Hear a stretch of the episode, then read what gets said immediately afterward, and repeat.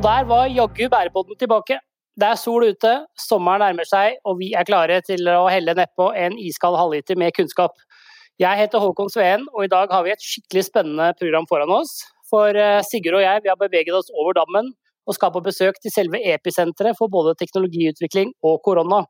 Vi har nemlig tatt den virtuelle turen over til Innovasjon Norge sine lokaler i Palo Alto i California, også kjent som eh, Silicon Valley. Jepp, det har vi, Håkon. Og nå kunne vi ha sett for oss at vi akkurat hadde lagt surfebrettene på taket og etter å ha ridd på de kalde stillehavsbølger og eh, satt oss i bilen og kjørt over haugen og da ned mot Palo Alto for å besøke dagens gjest. Men så har det slik at USA er jo i lockdown, de også, så det blir med tanken, Håkon. Ja, det var synd det der. Jeg hadde gleda meg til å se deg surfe, Sigurd. Ja, det tenker jeg du hadde, ja. Innovasjon Norge er en uh, interessant aktør på mange måter. Uh, for med kontorer rundt omkring i alle verdenshjørner og med formål om å øke innovasjonen i landet vårt og bidra med kunnskap til å uh, profilere norsk næringsliv, så har Innovasjon Norge nå blitt en tydelig stemme og en instans man lytter til. og når vi snakker om digitalisering, så er det jo mange som valfarter da, over til San Francisco og Bay Area for å la seg inspirere av det som skjer der. Og kanskje er det noen som også ser på muligheten for å slå igjennom med sine løsninger. Og det er her Innovasjon Norge kommer til sin rett med sitt nettverk. Ja, eh, og når vi går inn på nettsidene deres, så slår en kraftig visjon eh, mot oss. Den sier at eh, Innovasjon Norge skal bidra til bærekraftig vekst og eksport for norsk næringsliv gjennom kapital og kompetanse. Og det er jo balsam for våre ører, Sigurd. Og akkurat det vi her i Bærepodden ønsker å sette fokus på. Så da bestemte vi oss rett og slett for å invitere til en prat, vi. Det gjorde vi, Håkon. Eh, så vi skal snakke med Gror Dyners, som har vært leder for Innovasjon Norge sitt kontor i San Francisco en god stund. Og eh, skal etter hvert eh, avslutte sitt virke i, USA og sette tilbake til, til moderlandet. Eh, og Det er derfor ekstra hyggelig at hun eh, tar seg tid til å, å, prate med oss. Og det er en ære at hun også gjester av Bærepodden i en eh, ellers hektisk hverdag. Og Når vi da får slike gjester på, på tråden, så har vi jo da 48 spørsmål som kan sprike i alle retninger. Og det er ikke, kanskje ikke alltid like lett å holde den røde tråden her sånn. Men kjære lytter, jeg håper dere får bære podden over oss. Du tok den, Håkon? Uh, ja, jeg tror det. Eh, nei, de gjorde ikke det, vet du. Eh, men eh, vi skal komme innom mange spennende temaer. Bl.a. Innovasjon Norge sitt bidrag til å løfte frem gode, bærekraftige løsninger fra Norge. Vi skal snakke om, litt om koronasituasjonen og hvordan det har påvirket arbeidet deres og USA for øvrig. Hvordan Innovasjon Norge jobber med bærekraft. Og kanskje vi også får lært litt om hvordan amerikanske selskaper ser på og jobber med bærekraft. Men før vi kommer så langt, her er litt footfacts. Hei, Ida Gram fra Footstep her. I dag skal vi ut i verden og ut i mange forskjellige perspektiver. Men fellesnevneren er innovasjon. Innovate or die. Det er litt uenighet om hvem som er opphavsmann eller -kvinne til dette utsagnet. Men budskapet er klart. Uten innovasjon ingen fremtid. Men hva ligger egentlig i innovasjonsbegrepet? Er det å finne opp noe nytt? Er det å gjøre ting på nye måter? Og hva må vi gjøre for å innovere? FNs bærekraftsmål nummer ni handler om innovasjon og infrastruktur, og hvorfor dette er avgjørende for å få til bærekraftig utvikling. Utgangspunktet er en solid infrastruktur i form av transport, vanningssystemer, energi og informasjonsteknologi, slik at samfunnet fungerer og en sikrer økonomisk utvikling og livskvalitet for alle. Deretter kommer overbygningen, i form av industrialisering og bedre tilgang til finansielle tjenester, slik at flere kan starte og opprettholde bedrifter. Innen 2030 er det mål om oppgradert eh, infrastruktur og et mer bærekraftig næringsliv med bedre ressursutnyttelse og mer miljøvennlig teknologi. Et annet viktig delmål er å styrke vitenskapelig forskning, både ved å stimulere til flere ansatte i forsknings- og utviklingsvirksomhet, og øke bevilgningene til offentlig og privat forskning og utvikling. Utvikling og tilgang til teknologi er avgjørende, i tillegg til å sikre faglige og politiske rammevilkår i de fattigste og minst utviklede landene. Går vi til vår egen hjemmebane, ser vi at Norge har mange små og mellomstore bedrifter. Selv om en rapport fra OECD viser at det etableres langt færre oppstartsbedrifter i Norge enn i land det er naturlig å sammenligne seg med, slik som Danmark og særlig Sverige. En annen utfordring her hjemme er at det bare er noen få oppstartsbedrifter som vokser, og ganske mange går dukken i løpet av kort tid. Tall fra SSB viser at snaut 30% av nyetablerte foretak er aktive fem år etter oppstart. Og selv om det etableres flere enkeltmannsforetak enn aksjeselskaper, er det flere aksjeselskap som overlever, sammenlignet med enkeltmannsforetak. Innovasjon Norges årsrapport viser at 2019 ble et rekordår for Miljøteknologiordningen, som gir tilskudd til innovasjon og utvikling av ny miljøteknologi. I alt ble det tildelt 608 millioner kroner til norske miljøteknologiprosjekter. Videre gikk 51% av Innovasjon Norges bevilgninger til prosjekter som har en definert miljøeffekt. Det er en økning på 2% fra 2018. Rapporten viser også at ved utgangen av 2019 hadde 302 norske bedrifter registrert sine løsninger i The Explorer, som er et utstillingsvindu og møteplass for grønne løsninger. Nettstedet ble lansert i fjor og har så langt hatt mer enn 800 000 besøkende fra over 100 land. Dette og mye mer får du høre om i dagens podkastepisode. Tusen takk til Ida Gram for en god gjennomgang av bærekraftsmål 9, som handler om innovasjon og infrastruktur informativt og kunnskapsrikt som alltid fra Ida der, altså. Da skal vi endelig slippe til eh, Gro Dyrnes. Eh, og aller først, hjertelig velkommen til oss, Gro.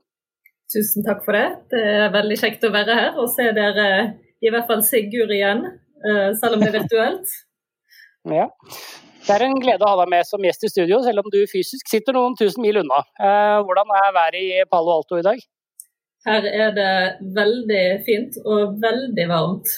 Så eh, til tross for at vi er på podkast, så eh, har jeg valgt å holde vinduene åpne. Mm. mm. Eh, før vi kommer ordentlig i gang, Gro, eh, takk for sist forresten, eh, så, så, så eh, er det et par ting vi må bare ha, ha avklart. Hvis det var sånn at jeg og Håkon nå skulle reist over til, til, dere og, og for å lære litt om teknologiutvikling og digital transformasjon, drar vi da til San Francisco eh, Silicon Valley, Palo Alto eller Bay Area? Hva er det egentlig den riktige benevnelsen, og sånn vi ikke tråkker i salaten sånn med en gang? Så um, du reiser jo til uh, Bay Area, som er hele området. Og det er jo San Francisco som er byen de fleste forbinder med området. Uh, men den største byen i området er faktisk San Jose, med i overkant av to millioner innbyggere. Den ligger helt sør i Silicon Valley. Silicon Valley er vestsiden av The Bay Area. Og eh, østsiden heter Oakland. Det er der Berkeley universitet ligger. Og når man snakker om Silicon Valley, så snakker man jo faktisk veldig ofte om Bay Area, fordi at eh, også østsiden av bukten har blitt veldig interessant eh, som teknologihub. Da har vi lært det også. Men Gro, kan ikke du starte med å fortelle litt om hvem du er og din rolle i Innovasjon Norge? Det gjør jeg gjerne. Så mitt navn er altså Gro Dyrnes, eller som jeg pleier å si her, Grow. For det er jo nettopp vekst det handler om. Og jeg leder Innovasjon Norge i region Americas, som er fra Canada til Brasil. Men med fysisk lokasjon altså i um, Silicon Valley og San Francisco. Så vi har to lokasjoner. Eh, og bruker veldig mye tid der på Nordic Innovation House, som er vår lokasjon i Silicon Valley. Mm. Og uh, Veldig mange har jo selvfølgelig hørt om Innovasjon Norge, men, men, det er nok noen som også lurer litt på hva det egentlig gjør, og hvor og for hvem. Kan ikke du mate oss med litt informasjon om det? Jo, jeg syns jo dere hadde en fin introduksjon selv. Dere leste jo mandatet vårt. Eh, men vi pleier å si at eh, vi jobber for bærekraftig vekst i norsk næringsliv. Og vi gjør det gjennom å tilby finansielle tjenester, kompetansetjenester, sparring, introduksjon til internasjonale markeder osv. Eh, og det er jo primært våre kolleger i Norge som jobber med finansieringstjenester. Alt fra um, tilskudd, lån, noen garantier Eh, og også har vi samarbeidspartnere, da, sånn som Eksportkreditt, GIEK, Forskningsrådet osv., som også tilbyr komplementerende finansielle tjenester. For oss som sitter ute, så handler det jo rett og slett mest om å prøve å gi gode råd, sparring, for å hjelpe bedriftene hvordan de kan både validere markedet ute, komme i kontakt med relevante partnere, nettverk, investorer, potensielle kunder osv. Og eh, sånn overordnet så er jo eh, vårt mål at vi skal bidra til å redusere kostnad, tid og risiko med å gå inn i et nytt marked.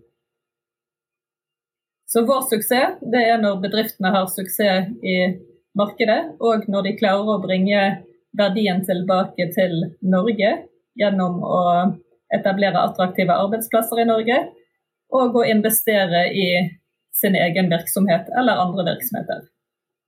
Mm. Det er jo en litt spesiell tid vi, vi, er i nå, Gro. Eh, og vi får jo referert i norske medier på hvordan eh, koronasituasjonen er hos dere i, i USA. Og hvordan den blir bekjempet. Men eh, kan ikke du fortelle litt med dine egne ord om hvordan dere opplever krisen, og på hvilken måte denne pandemien har påvirket dere på den andre siden? Absolutt. Pandemien har jo truffet USA, hvis jeg skal konsentrere meg om USA nå, da, veldig hardt.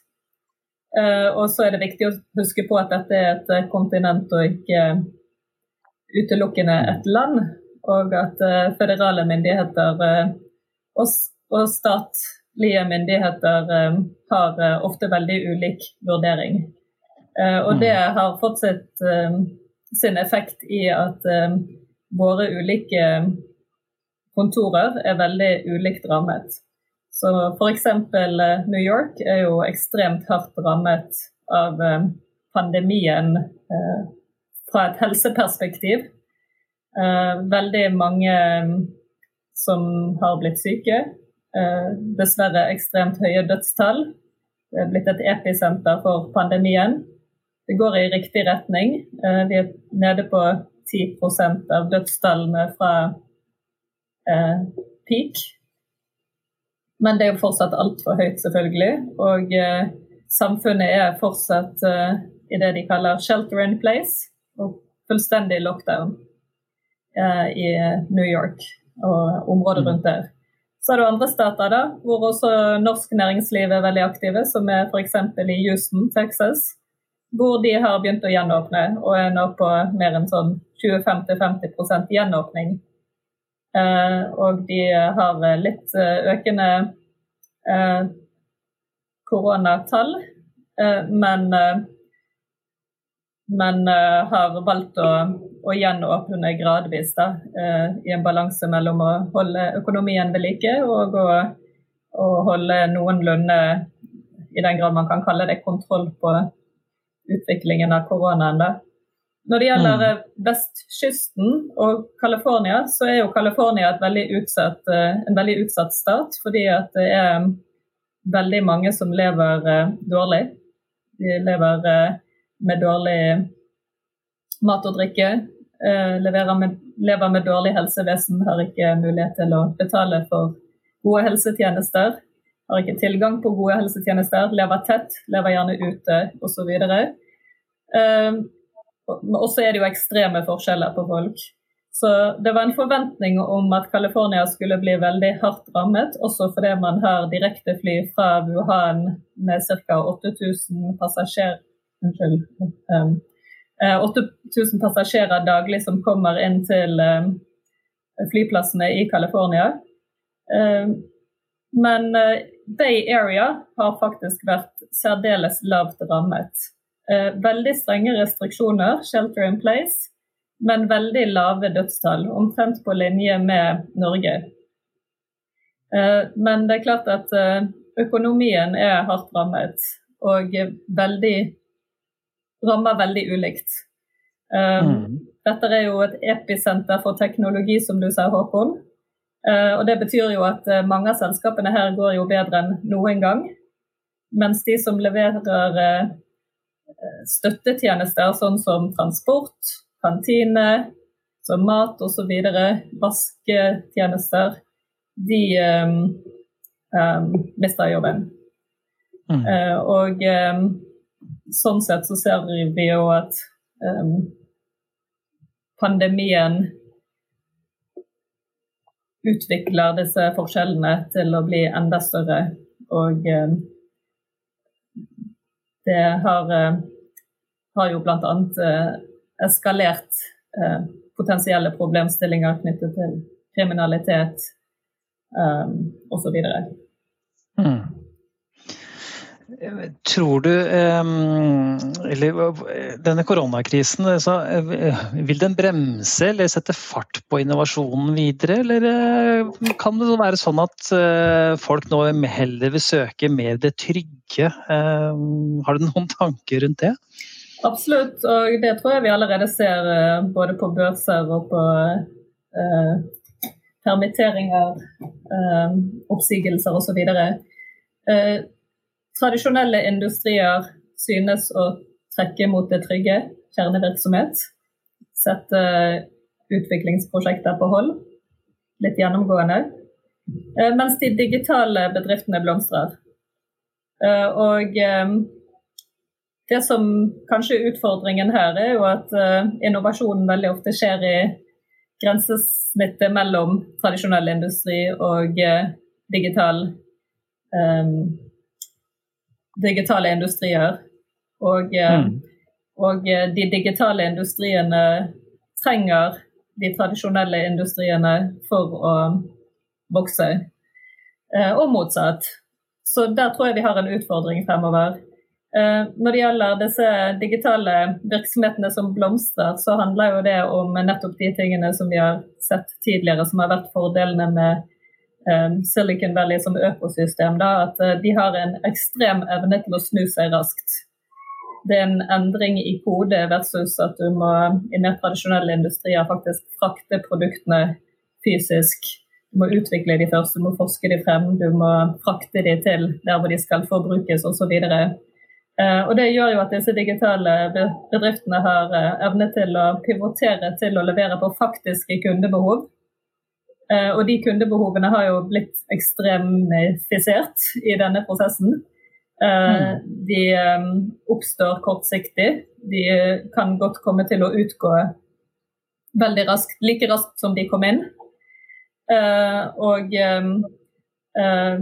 da blir timing og fokus enda viktigere. Så jeg vil si at korona både bremser opp og setter fart, men på, i ulike deler av uh, næringslivet. Mm. Vi har lenge hatt for vane å se til eh, Silicon Valley når det gjelder ny teknologi og disruptive forretningsmodeller. Men eh, en av megatrendene nå om dagen er at mye nytt tankegods vokser frem i andre deler av verden. Tror du vi fremover vil se mer til Asia, Afrika eller Latin-Amerika fremfor Silicon Valley?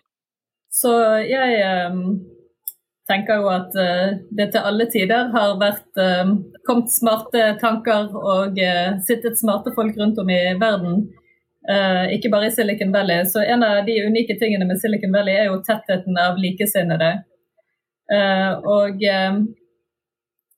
vi tror vel kanskje mer at Asia, Latin-Amerika spesielt er interessant som markeder. Eh, for det som vi alle vet, når eh, store nye innovasjoner skal til markedet, så må de etterstrebe å nå et enormt marked. Og de markedene finner du eh, i økende grad også utenfor USA, eller kanskje til og med til erstatning for USA. Men eh, når det kommer til de nye forretningsmodellene, så vil jeg kanskje si at eh, vi tror fortsatt at å at Silicon Valley kommer til å være en hub. uh, fordi at um, Pga. den agiliteten du får med denne tettheten av likesinnede, um, og uh, likviditeten i området her Silicon Valley er fortsatt et episenter for tidligfasekapital. Um, og uh, vi tror at uh, Silicon Valley fortsatt kommer til å være et, et sånt episenter for software men vi har lenge sagt at Asia, hvis du, hvis du, jobber med hardware eller software enabled hardware, så må du se til Kina. Du må vite hva som foregår der. Og det vil i kanskje, kanskje i økende grad, men vi syns allerede vi har sett det i mange, mange år, egentlig. Så vi tror at eh, Silicon Valley kommer til å opprettholde en episenterposisjon i lang tid. Eh, men at det utfordres definitivt av eh, Det utfordres definitivt av kostnadsnivået, rett og slett. Og andre regioner er også mer interessante, uten at Silicon Valley kanskje er blitt mindre interessant. Uh, og de andre områdene de befinner seg like gjerne i Asia, kanskje spesielt, fremover. Nå er jo Latin-Amerika, og spesielt Brasil, veldig hardt utslått av korona. så de kommer nok til å Og også politisk ustabilitet. Eh, så Asia har nok en annen posisjon der enn Latin-Amerika, dessverre. Eh, I hvert fall den nærmeste tiden. Mm. I en eh, tidligere episode så snakket vi bl.a. med Yngvar Ugland i DNB. Og han mente at det, det, kan være enklere å disruptere forretningsmodeller i land som USA, fordi det etablerte ikke alltid fungerer top notch. Her i Norden så fungerer mye tross alt relativt godt, og det er derfor vanskelig å utvikle noe som er revolusjonerende nytt. Er du enig i den betraktningen? Hvorfor eller hvorfor ikke? Jeg er helt enig i betraktningen at eh, det er ikke det samme rommet for, eller behovet for disrupsjon i tradisjonell industri i Norge eller i Norden eh, som det er i USA. Man kan bare se på banksektoren f.eks. Hvis du skal overføre penger fra én konto til en annen, så skriver banken fysisk ut en sjekk selv om du gjør det i nettbanken. Eh, og eh, leverer sjekken fysisk i den andre banken, som da fører det inn manuelt. Eh, så det er klart at Når du har sånne etablerte systemer, så, så blir det rom for disrupsjon. Og dette handler eh, nok om at størrelse og agilitet henger sammen. I Norge er det rett og slett veldig få bedrifter som er så store at de sliter med å opprettholde en viss agilitet. Samtidig så har jo vi en kultur for at ansatte tar beslutninger på sitt eget nivå. Uh, vi har gjennomgående høy kompetanse på alle nivåer av en organisasjon, og vi har en aksept for at ansatte tar Eh, beslutninger. Og også har eh, nyttige innspill å komme med, uavhengig av hvilket nivå de er på i organisasjonen, på en annen måte enn i USA. Så alt dette helt klart legger til rette for at eh, rommet for disrupsjon i tradisjonell industri helt klart er større i USA. Spennende. Um, når vi da er så inne på liksom forskjeller mellom norske og amerikanske selskaper, uh, og, så er det også interessant å se på dette med, med, med bærekraft. Uh, Tror du det er, altså, er det noen forskjeller med måten norske og amerikanske selskaper jobber med å sette bærekraftsmålene på dagsordenen? Ja. Veldig retorisk spørsmål. ja, jeg, jeg, vil egentlig si at uh, bærekraft har blitt et, uh, et område hvor Norden peker seg særdeles klart ut som en ledende region internasjonalt, og også i det amerikanske markedet. Uh, i Norden er det helt vanlig at uh, folk i alle industrier går rundt med pinn med bærekraftsmålene, mens i USA så er det særdeles få som i det hele tatt vet hva den pinnen står for. Um, og det er selvfølgelig um, unntak. Må si at store, Flere av de store teknologiselskapene tar jo uh, bærekraft på veldig høyt alvor. Uh, Google står jo frem som en av de som går igjennom hele sitt virke for å etterstrebe å bli eh, positiv bidragsyter.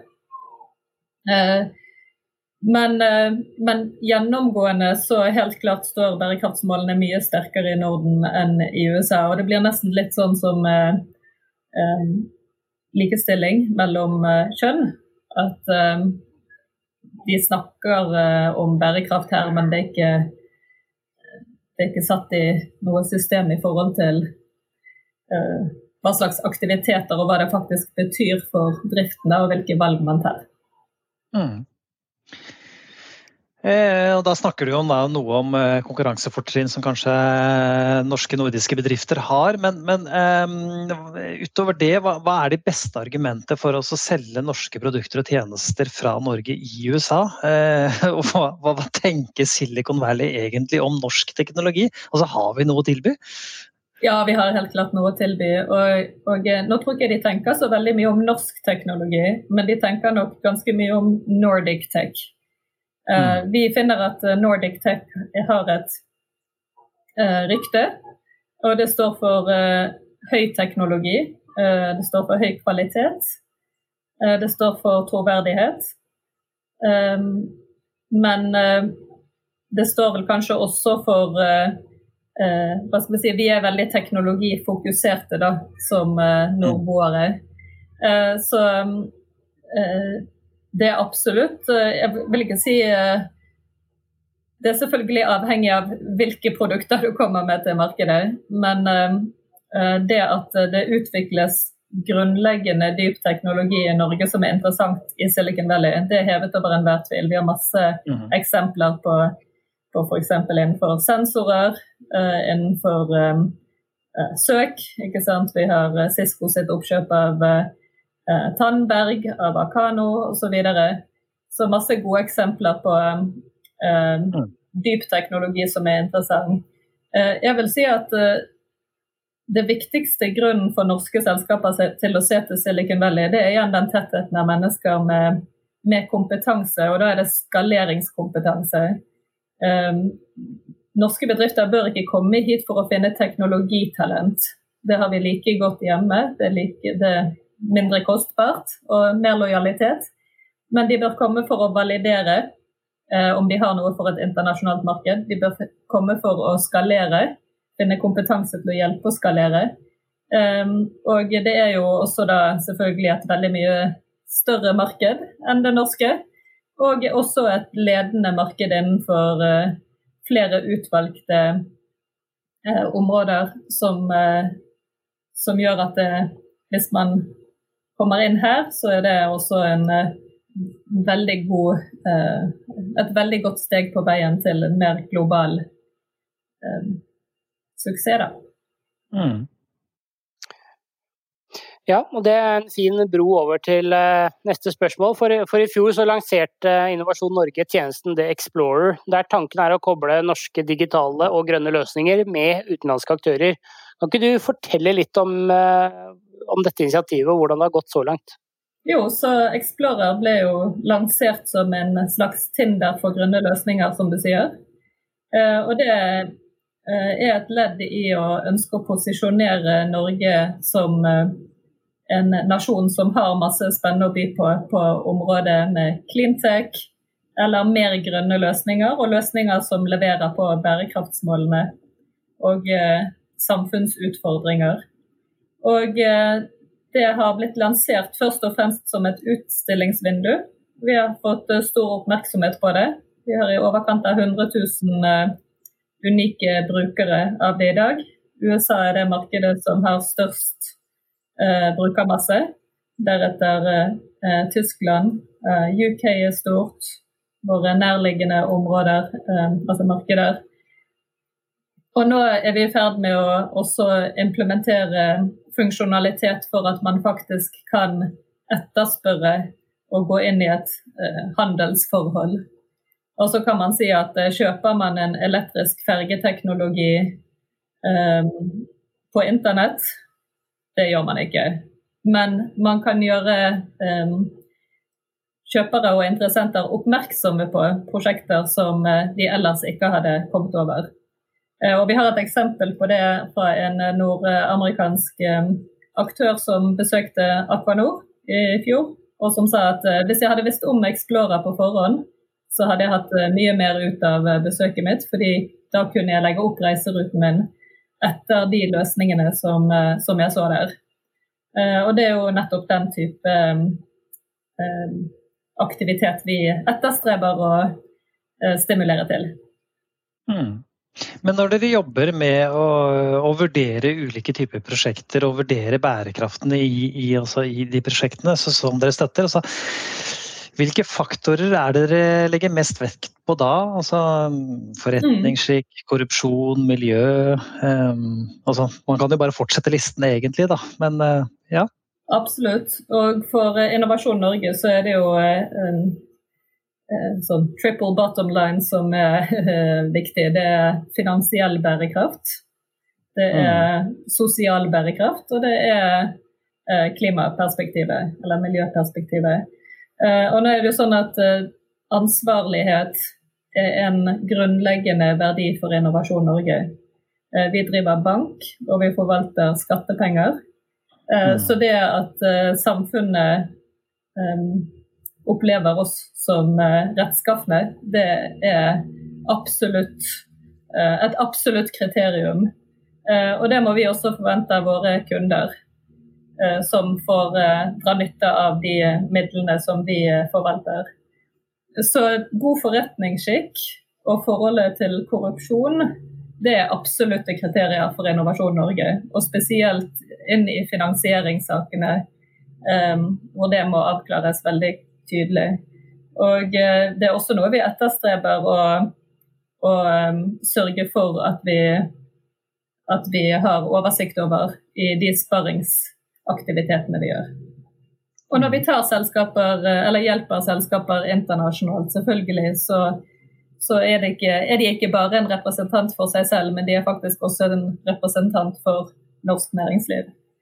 Eh, når det gjelder miljøhensynet, så har det fått eh, økt betydning med vår nye strategi, som ble lansert i januar i år. Og, og det er ett av tre bærende elementer for oss. Eh, mm. Vi måler det på alt vi gjør.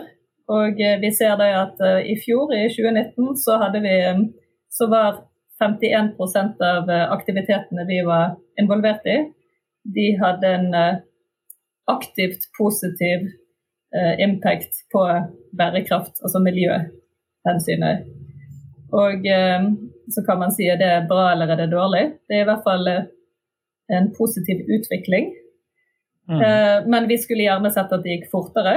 Og ambisjonen er selvfølgelig mye høyere enn at 51% skal være aktivt positivt for miljøutviklingen. Så det er viktig for oss, og økt viktighet. Og i år så er det spesielt eh, perspektivet om eh, økt fokus på miljø eh, som, er, som er et fokus for oss. Mm. Um, hvilke råd vil du vurdere, altså, gi til den som vurderer å prøve seg utenlands? Uh, og generelt de som prøver å starte opp selv. Dere har jo jobbet med masse uh, startup-selskaper og sett både trender og hva som slår an og hva som feiler. Hvilke fallgrupper bør en spesielt være obs på? vi ser på tvers av de selskapene vi jobber med at det er utrolig viktig å gjøre hjemmeleksen sin. Uh, ha validert. Uh, forstå det markedet du uh, går inn i. har faktisk gjort en betydelig vurdering av return on investment. Hva vil suksess for meg i dette markedet bety? Hvem er konkurrentene mine? Det er ganske mange som, som kommer og sier men vi har ingen konkurrenter. og da er egentlig svaret fra dette markedet at alle har konkurrenter. Jeg har en mentor som sier at eh, på farsdagen så er en eh, skrutrekker og et slips konkurrerende produkter. Eh, så det handler litt om kreativiteten i hvordan du vurderer konkurranse. Og at konkurranse for et teknologiprodukt veldig ofte er en manuell rutine. Og for å få folk til å endre atferd, så skal det være en betydelig bedre opplevelse etterpå enn den du har i dag. For det koster noe for brukeren, enten det er en B2B-tjeneste eller B2C. Så vi sier vel at de som lykkes, det er de som har gjort en ordentlig validering, som forstår hvilken unike posisjon de har, eh, som klarer å holde fokuset og farten oppe. For det er en, en annen fart som forventes eh, når du kommer til et marked med mye høyere konkurranse. Eh, og eh, det er kanskje lett for å bli det er lettere å bli norgesmester enn å bli verdensmester, da. Så mm. bare liksom prøve å opprettholde den opplevelsen av at uh, jeg må lene meg fremover absolutt hele tiden. Og det er nye mm. mål, men det er lov å klappe seg selv på skulderen underveis.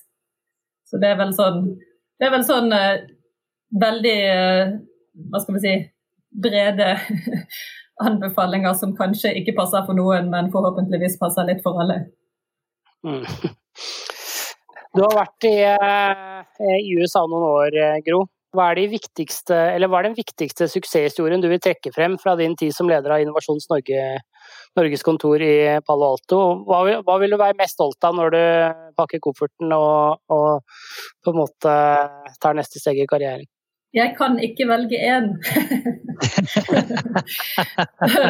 Men uh, og, og, det jeg også har lyst til å si, da, det er at det som jeg er mest stolt av, det er ikke fordi at det er min fortjeneste. Eh, og det handler om at eh, eh, vi har et sånn saying her som er 'the long road to overnight success'. Og det, veldig mange av disse store suksessene ser jo ut som det skjedde fra i går til i dag.